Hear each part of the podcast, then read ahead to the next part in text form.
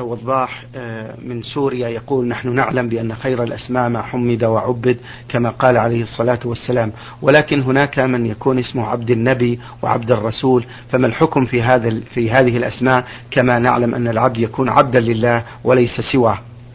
الحمد لله رب العالمين. وصلى الله وسلم على نبينا محمد وعلى آله وأصحابه ومن تبعهم بإحسان إلى يوم الدين. قول السائل وفقه الله. نحن نعلم أن خير الأسماء ما حمد وعبد ثم استدل بما نسبه إلى الرسول صلى الله عليه وعلى آله وسلم أن خير الأسماء ما حمد وعبد. فأقول هذه المعلومية خطأ. نعم. ليس خير الأسماء ما حمد وعبد. ثانيا نسبة ذلك إلى الرسول أنه قال خير الأسماء ما حمد وعبد خطأ أيضا وخطأ عظيم لأن هذا الحديث موضوع. لا يصح عن النبي صلى الله عليه وعلى آله وسلم ولا تجوز نسبته إليه صلى الله عليه وعلى آله وسلم. وإنما قال صلى الله عليه وعلى آله وسلم أحب الأسماء إلى الله عبد الله وعبد الرحمن. نعم. وأصدقها حادث وهمام. وعلى هذا فنقول ما أضيف إلى الله أو إلى الرحمن فهو, فهو أحب الأسماء إلى الله. عبد الله وعبد الرحمن. ثم ما أضيف إلى أي اسم من أسماء الله. كعبد الرحيم وعبد الوهاب وعبد العزيز وعبد اللطيف وعبد الخبير وعبد البصير وما أشبهه. وأما عبد النبي وعبد الرسول وعبد جبريل وعبد فلان أو فلان فهذا محرم. قال ابن حزم رحمه الله اتفقوا على تحريم كل اسم معبد لغير الله حاشا عبد المطلب. وإنما استثنى ذلك لأن بعض أهل العلم قال لا بأس بعبد المطلب لأن النبي صلى الله عليه وعلى آله وسلم قال أنا النبي لا كذب أنا ابن عبد المطلب. ولكن من العلماء من حرم عبد المطلب. وقال إن النبي صلى الله عليه وعلى آله وسلم قال ذلك خبرا وليس إنشاء. فهو عبد المطلب لأن جده سمي بذلك ولا يمكن تغييره. فهو خبر لا إنشاء. وعلى هذا فلا يجوز أن يسمى أحد بعبد المطلب. وهذا وجه قوي لا إشكال في قوته. وعلى هذا فأقول إذا أردت يا أخي أن تسمي ابنك فسمه بأحسن الأسماء وأحب الأسماء إلى الله. ما وجدت إلى ذلك سبيلا. عبد الله عبد الرحمن عبد الرحيم عبد العزيز عبد الوهاب عبد السميع عبد البصير عبد اللطيف عبد الحكيم وهكذا. نعم. جزاكم الله خيرا. هذا السائل يقول إذا أراد العبد من ربه حاجة ثم اتجه آه، إلى ربه يدعوه وقال يا ربي لك علي عهد إذا حققت طلبي أن لا أفعل كذا أو كذا ثم حقق الله لعبده الحاجة وندم العبد على ما عاهد الله على ما عاهد الله عليه لأن في ذلك العهد مضايقة له. هل يجوز ترك هذا العهد مع الله؟ لا, لا بد أن نعلم ما الذي عاهد الله عليه أن يتركه؟ إن كان شيء مباحا مثل أن يقول فعلي عهد الله ألا آكل الطعام الفلاني. نعم. فهنا نقول كله وكفر عن عن نذرك لأن هذا نذر مباح. وأما إذا كان شيء محرم قال فعلي عهد الله ألا أغتاب الناس نعم. فإنه يجب عليه ألا أغتاب وتكون الغيبة عليه محرمة من وجهين. الوجه الأول أنها في الأصل محرمة بل من كبائر الذنوب والثاني أنه عاهد الله على تركه على تركها إذا تحققت له الحاجة الفلانية وقد تحققت. وليعلم أن النذر في أصله مكروه أو حرام. بمعنى أنك لا تقول لله على نذر أبدا. ذلك لأن النبي صلى الله عليه وعلى آله وسلم نهى عن النذر وقال إنه لا يأتي بخير. فإذا اجتمع نهي ونفي الخير هذا يدل على كراهته كراهة شديدة بل بعض العلماء قال إنه حرام. وما أكثر الذين ينذرون ويتأسفون فيما بعد. وما أكثر الذين ينذرون ثم لا يوفون. والناذر إذا نذر طاعة ولم يوفي وهذا النذر مقيد بشيء حققه الله له فإنه يخشى عليه من النفاق. قال الله عز وجل ومنهم من عاهد الله لئن آتانا من فضله لنصدقن ولنكونن من الصالحين فلما آتاهم من فضله بخلوا به وتولوا وهم معرضون فأعقبهم نفاقا في قلوبهم إلى يوم يلقونه بما أخلفوا الله ما وعدوه وبما كانوا يكذبون. فأنهى إخواني عن النذر كما نهاهم النبي صلى الله عليه وعلى آله وسلم عن ذلك. وأقول إنه لا يأتي بخير ولا يرد قضاء. المقضي سيكون والخير سيكون بدون نذر إذا كان الله أراده. بعض الناس إذا إذا كان عنده مريض وطال المرض أو كان شديدا أويس من برئه قال لله على نذر إن شفى الله مريضا أن يفعل كذا وكذا. فيشفى المريض. ثم لا يوفي. أو يوفي بمشقة شديدة ما جعل الله عليه ما ما ألزمه الله بها إلا بالنذر. فليتق الله امرؤ ولا يخاطر وليرفق بنفسه وليعلم أن ما أراد الله قضاءه فسيكون سواء نذر أم لم ينذر. وما لم يرده الله لن يكون ولو نذر. نعم. جزاكم الله خيرا. يقول هذا السائل كيف النجاة من فتنة القبر يا فضيلة الشيخ؟ النجاة من فتنة القبر؟ أن يموت الإنسان على الإسلام. الله فإنه إذا مات على الإسلام أنجاه الله. لأنه إذا سئل من ربك ما دينك من نبيك فسيجيب بالصواب وحينئذ ينجو. فإن مات على نفاق نسأل الله أن يعيدنا وإخواننا من النفاق فإنه لن يجيب. إذا سئل من ربك ما دينك من نبيك قال ها ها لا أدري. سمعت الناس يقولون شيئا فقلته فهذا لا ينجو من الفتنة ويعذب في قبره والعياذ بالله. نعم. أحسن الله إليكم. يسأل عن مذهب أهل السنة والجماعة في إثبات الصفات لله عز وجل. أهل السنة والجماعة جعلنا الله منهم. آمين. أشد الناس تعظيما لله عز وجل. الله. أكبر وأشد الناس احتراما لنصوص الكتاب والسنة. فلا يتجاوزون ما جاء به القرآن والحديث من صفات الله عز وجل. فيثبتون لله تعالى ما أثبته الله لنفسه وإن حارت العقول فيه. وينفون ما نفى الله عن نفسه وإن توهمت العقول ثبوته. مثال ذلك إن الله عز وجل فوق كل شيء. فوق كل شيء. نعم. أزلا وأبدا. وهو سبحانه وتعالى له العلو المطلق في كل وقت وحين. فوق سماواته فوق مخلوقاته مستو على عرشه. ثبت عن النبي صلى الله عليه وعلى آله وسلم أنه ينزل إلى السماء الدنيا حين يبقى ثلث الليل الآخر. فيأتي الشيطان للإنسان ويقول كيف ينزل وهو وعلوه لازم له. كيف ينزل؟ فنقول هذا يحار فيه العقل لكن يجب علينا أن نصدق. ونقول الله أعلم بكيفية هذا. نؤمن بأنه ينزل ولكن لا نعرف الكيفية عقولنا تحار ولكن يجب أن أن أن, أن نقبل لأن الله ليس كمثله شيء في جميع صفاته. ولهذا قال بعضهم إن القرآن والسنة أتى بما تحار فيه العقول لا بما تحيله العقول.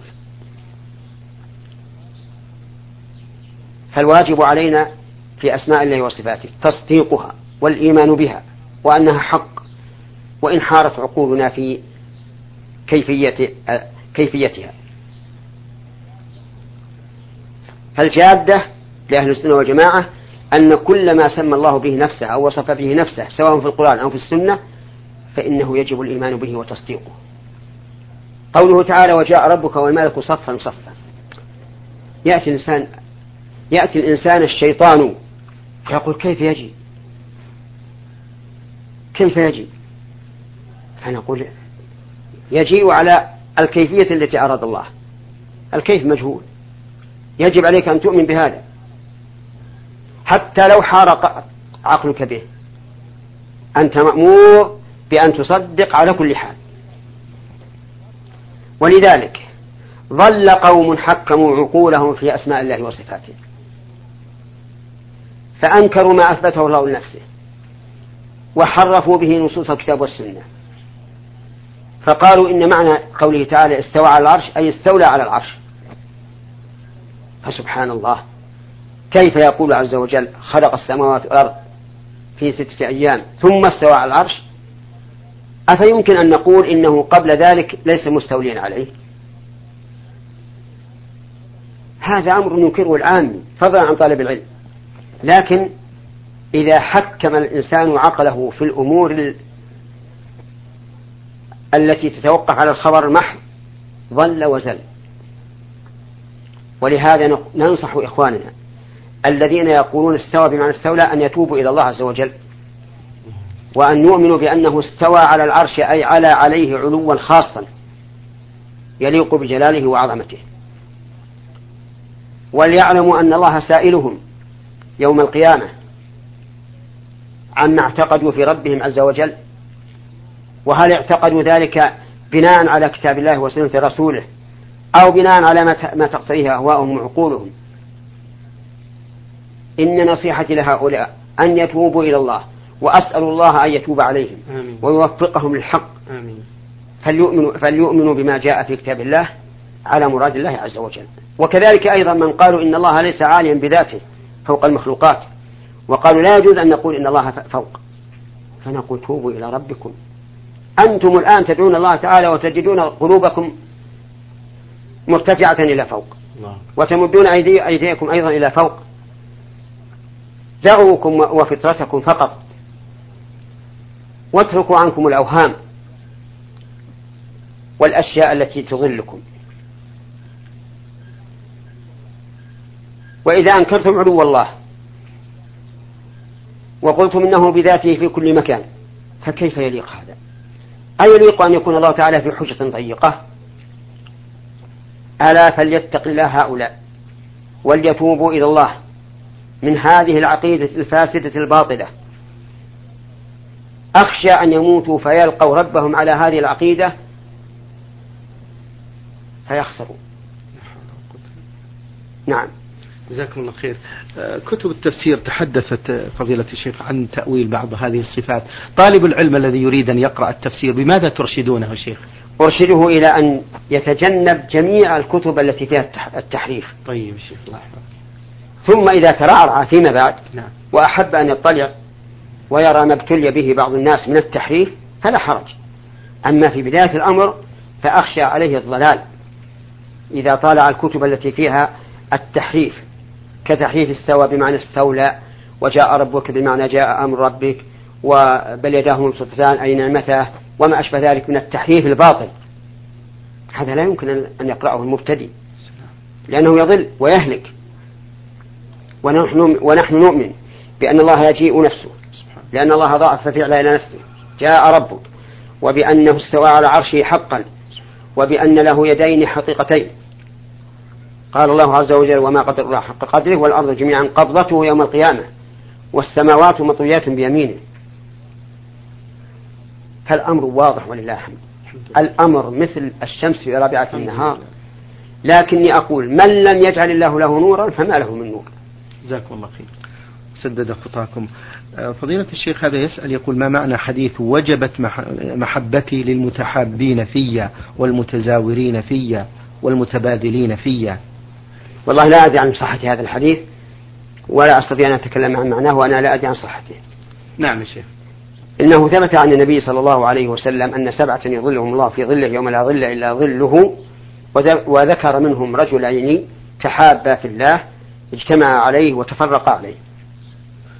نعم. جزاكم الله خيرا. يستفسر هذا السائل عن آه، يقول من هو الفاسق في الشريعة الإسلامية؟ الفاسق هو الخارج عن طاعة الله ورسوله. وهو نوعان. فسق أكبر وهو الكفر وفسق دون ذلك. مثال الأكبر قول الله تبارك وتعالى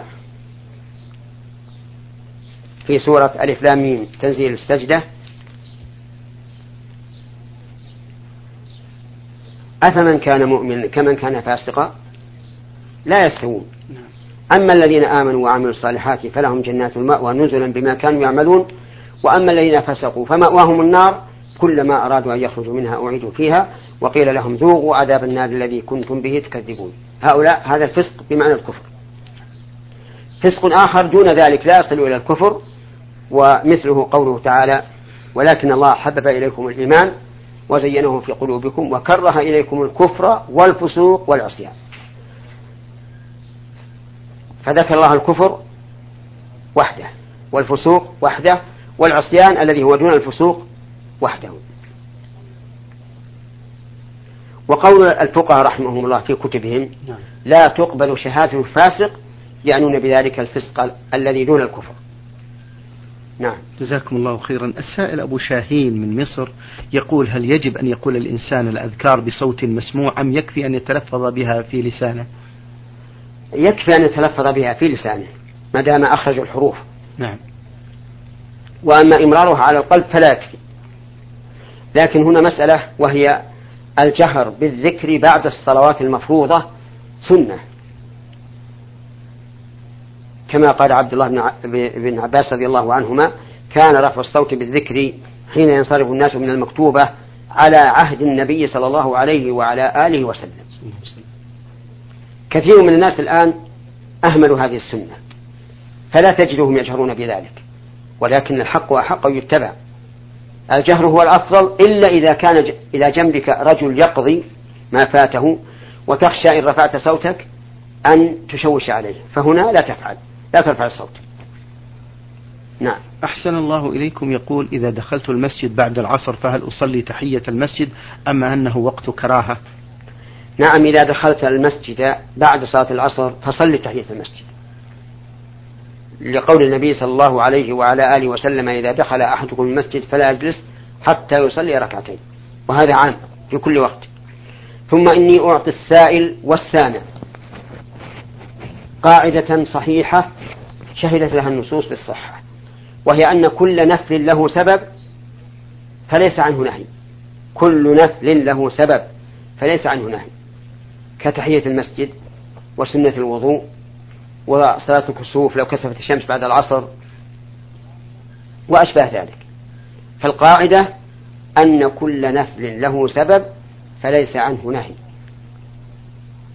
وبهذا تجتمع الأدلة وهو القول الراجح وهو مذهب الشافعي رحمه الله ورواية عن أحمد بن حنبل رحمه الله. نعم. جزاكم الله خير. آه يقول هذا السائل يقول البعض في ختام المجلس وبعد دعاء الختام سبحان ربك رب العزة عما يصفون وسلام على المرسلين والحمد لله رب العالمين. وكذلك سورة العصر فهل هذا سنة أم بدعة؟ هذا ليس بسنة. السنة في ختام المجلس سبحانك اللهم ربنا وبحمدك أشهد أن لا, إله إلا أنت أستغفرك وأتوب إليك. وأما ما ورد عن بعض الصحابة أنهم لا يتفرقون حتى يقرأ بعضهم على بعض سورة العصر فهذا لعله وقع من بعضهم ولكني لا أعلمه عن النبي صلى الله عليه وعلى آله وسلم. نعم. جزاكم الله خير. يقول عند عقد النكاح يقرؤون سورة الكوثر فهل أيضا هذا من السنة؟ هذا ليس من السنة. السنة في خطبة النكاح أن يقرأ خطبة ابن مسعود رضي الله عنه. وهي مشهورة معروفة. نعم. جزاكم الله خير. يقول نعم وإن قرأها وإن تركها فلا بأس. لكن الأفضل أن يقرأها. طيب. نعم. حفظكم الله. يقول السائل هذا كيف يعرف الإنسان الأحاديث الصحيحة من الموضوعة؟ وهل هناك كتب توضح الأحاديث الموضوعة؟ نعم. الرجوع في هذا إلى أهل العلم المختصين. الذين اعتنوا بالأحاديث وميزوا صحيحها من ضعيفها. كما أننا نرجع في المرض إلى الطبيب المختص. فمن كان مريضا في بطنه لا نعرضه على من كان طبيبا في الأعصاب والعظام بل على من كان طبيبا في, البطون وما أشبه ذلك. وقد بين العلماء والحمد لله ذلك. وأبدوا فيه مجهودا كبيرا نسأل الله أن يثيبهم عليه. وهناك كتب صنفت في الموضوعات فقط. طيب. مثل الفوائد المجموعة في الأحاديث الموضوعة للشوكاني رحمه الله وغيرها مما لا أعلمه. فليبحث عن ذلك. نعم. جزاكم الله خير. هذا السائل يقول في هذا السؤال يا فضيلة الشيخ آه إذا إذا وجدت المرأة في الطريق الذي يكون فيه رجال آه كثر يمشون في الطرقات ووجدت ورقة بها آه لفظ الجلالة فهل تنحني لأخذها أم تتركها؟ نعم تنحني لأخذها ولا حرج. إلا إذا كان هناك زحام فهنا لا تنحني لأنها لو انحنت آه، صار في ذلك فتنة. جزاكم الله خيرا. يقول السائل هل قراءة القرآن من المصحف شرط أن يكون الإنسان طاهر ومتوضي مع العلم بأن هذا قد يكون شاقا عليه على البعض؟ أقول لا يمس المصحف إلا طاهر. سواء قرأ ولا ما قرأ طيب. وإذا قرأ في المصحف بدون مس كان يكون على يديه قفازان أو منديل أو ما أشبه ذلك لا يمسه بواسطتها فلا, فلا بأس وإذا قرأ القرآن عن ظهر قلب فلا بأس أن يقرأ وإن, وإن لم يتوضأ نعم هذا السائل يقول فضيلة الشيخ من خاصم آه، أخا له فوق ثلاث ليال هل نعم. يكون آثما؟ من خاصم ولا من هجر؟ يقول من خاصم. إيه، هذا غلط. صواب السؤال أن يقال من هجر. نعم شيخ. فأقول لا يجب لا يحل لمسلم أن يهجر أخاه فوق ثلاث كما قال النبي صلى الله عليه وسلم يلتقيان فيعرض هذا ويعرض هذا وخيرهما الذي يبدأ بالسلام. لكن من كان على معصية وصار في هجره مصلحة فنهجره حتى يقلع عن هذه المعصية. أما إذا لم يكن في هجره مصلحة فليسلم عليه ولو كان عاصيا. لأن المعاصي لا تخرج من الإيمان. فتدخل في النهي عن هجر المؤمن فوق ثلاث. هذا السائل آه، أبو إبراهيم يستفسر عن الآية الكريمة اجعلوا بيوتكم قبلة. نعم. المعنى اجعلوا بيوتكم مكانا يستقبله الناس تستقبلون فيه الناس. لأن في ذلك تأليفا بالناس وفيه أيضا كرم وخير. فالمعنى اجعلوها قبلة يعني قبلة للناس يأتم يأتمون إليه يأتون إليها ويشهدون ما أنتم عليه من الحق. نعم. جزاكم الله خيرا. يقول السائل إذا صلى المسلم فرضا بعد أن انتهى وقت المسح على الشراب فهل يعيد الصلاة؟ ماذا عليه مأجورين؟ نعم يعيد الصلاة لأنه إذا تمت مدة المسح ثم انتقض الوضوء وجب عليه أن يخلع ثم يلبس على طهارة من جديد لأن النبي صلى الله عليه وسلم وقت ذلك بيوم وليلة للمقيم وثلاثة أيام بلياليها للمسافر فمثلا نعم. إذا قدرنا أنها أنه انتهى وقت المسح قبل الظهر بساعة ثم انتقض وضوءه ومسح ناسيا فعليه أن يتوضأ ويعيد صلاة الظهر. وأما إذا انتهت المدة وهو على طهارة فليستمر في طهارته حتى ينقضها. يعني يستمر يصلي ولا حرج ولو, ولو تمت المدة. لأن تمام المدة معناه امتناع المسح. من جديد لا انتقاض الوضوء. نعم. جزاكم الله خيرا. هذا السائل من المغرب آه، يسأل مجموعة من الأسئلة يقول في هذا السؤال هل تجوز قراءة حزب من القرآن جماعة في المسجد في كل يوم بعد صلاتي الصبح والمغرب وما حكمهما في الإسلام؟ لا حرج أن يجتمع جماعة بعد صلاة الفجر أو المغرب أو الظهر أو العصر ويقرؤون فيما بينهم حزبا من القرآن. لكن لا على سبيل سبيل سبيل جماعي بل يقرأ واحد ويستمع الباقون ثم يقرأ الثاني ويستمع الباقون وهكذا. نعم. سؤاله الثاني يقول هل يجوز الدعاء والصلاة على النبي صلى الله عليه وسلم جماعة بعد الصلاة المكتوبة؟ كأن نقول في دعائنا اللهم أحسن عاقبتنا. لا. هذا غير مشروع. المشروع بعد صلاة الفريضة الأذكار الواردة عن النبي صلى الله عليه وعلى آله وسلم وكل إنسان يقولها لنفسه. لا لا يشاركه أحد فيها. نعم. يقول هذا السائل فضيلة الشيخ هل تجوز جلسة الاستراحة خلال الصلاة؟ وهل هي من السنة النبوية؟ وما حكم من لا يفعل ذلك؟ جلسة الاستراحة هي أن يجلس الإنسان في صلاته. إذا قام إلى الثانية وإذا قام إلى الرابعة في الرباعية. نعم.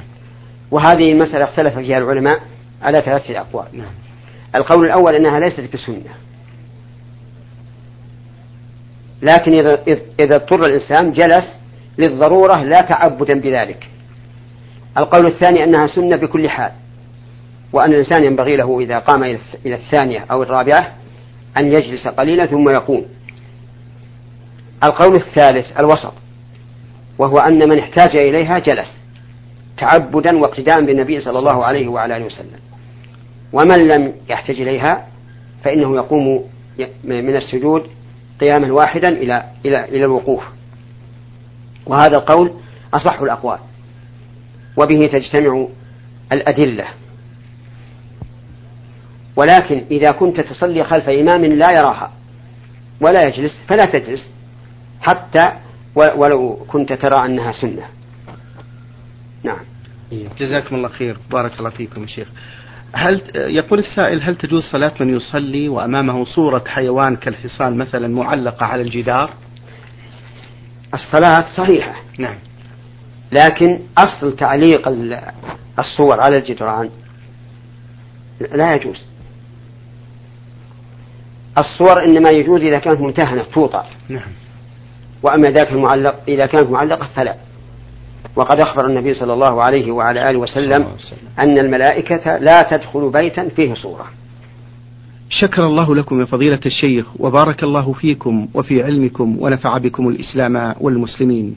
أيها الإخوة والأخوات في الختام تقبلوا تحيات زميلي مهندس الصوت حمد بن محمد الوابلي والسلام عليكم ورحمة الله وبركاته. نور على الدرب.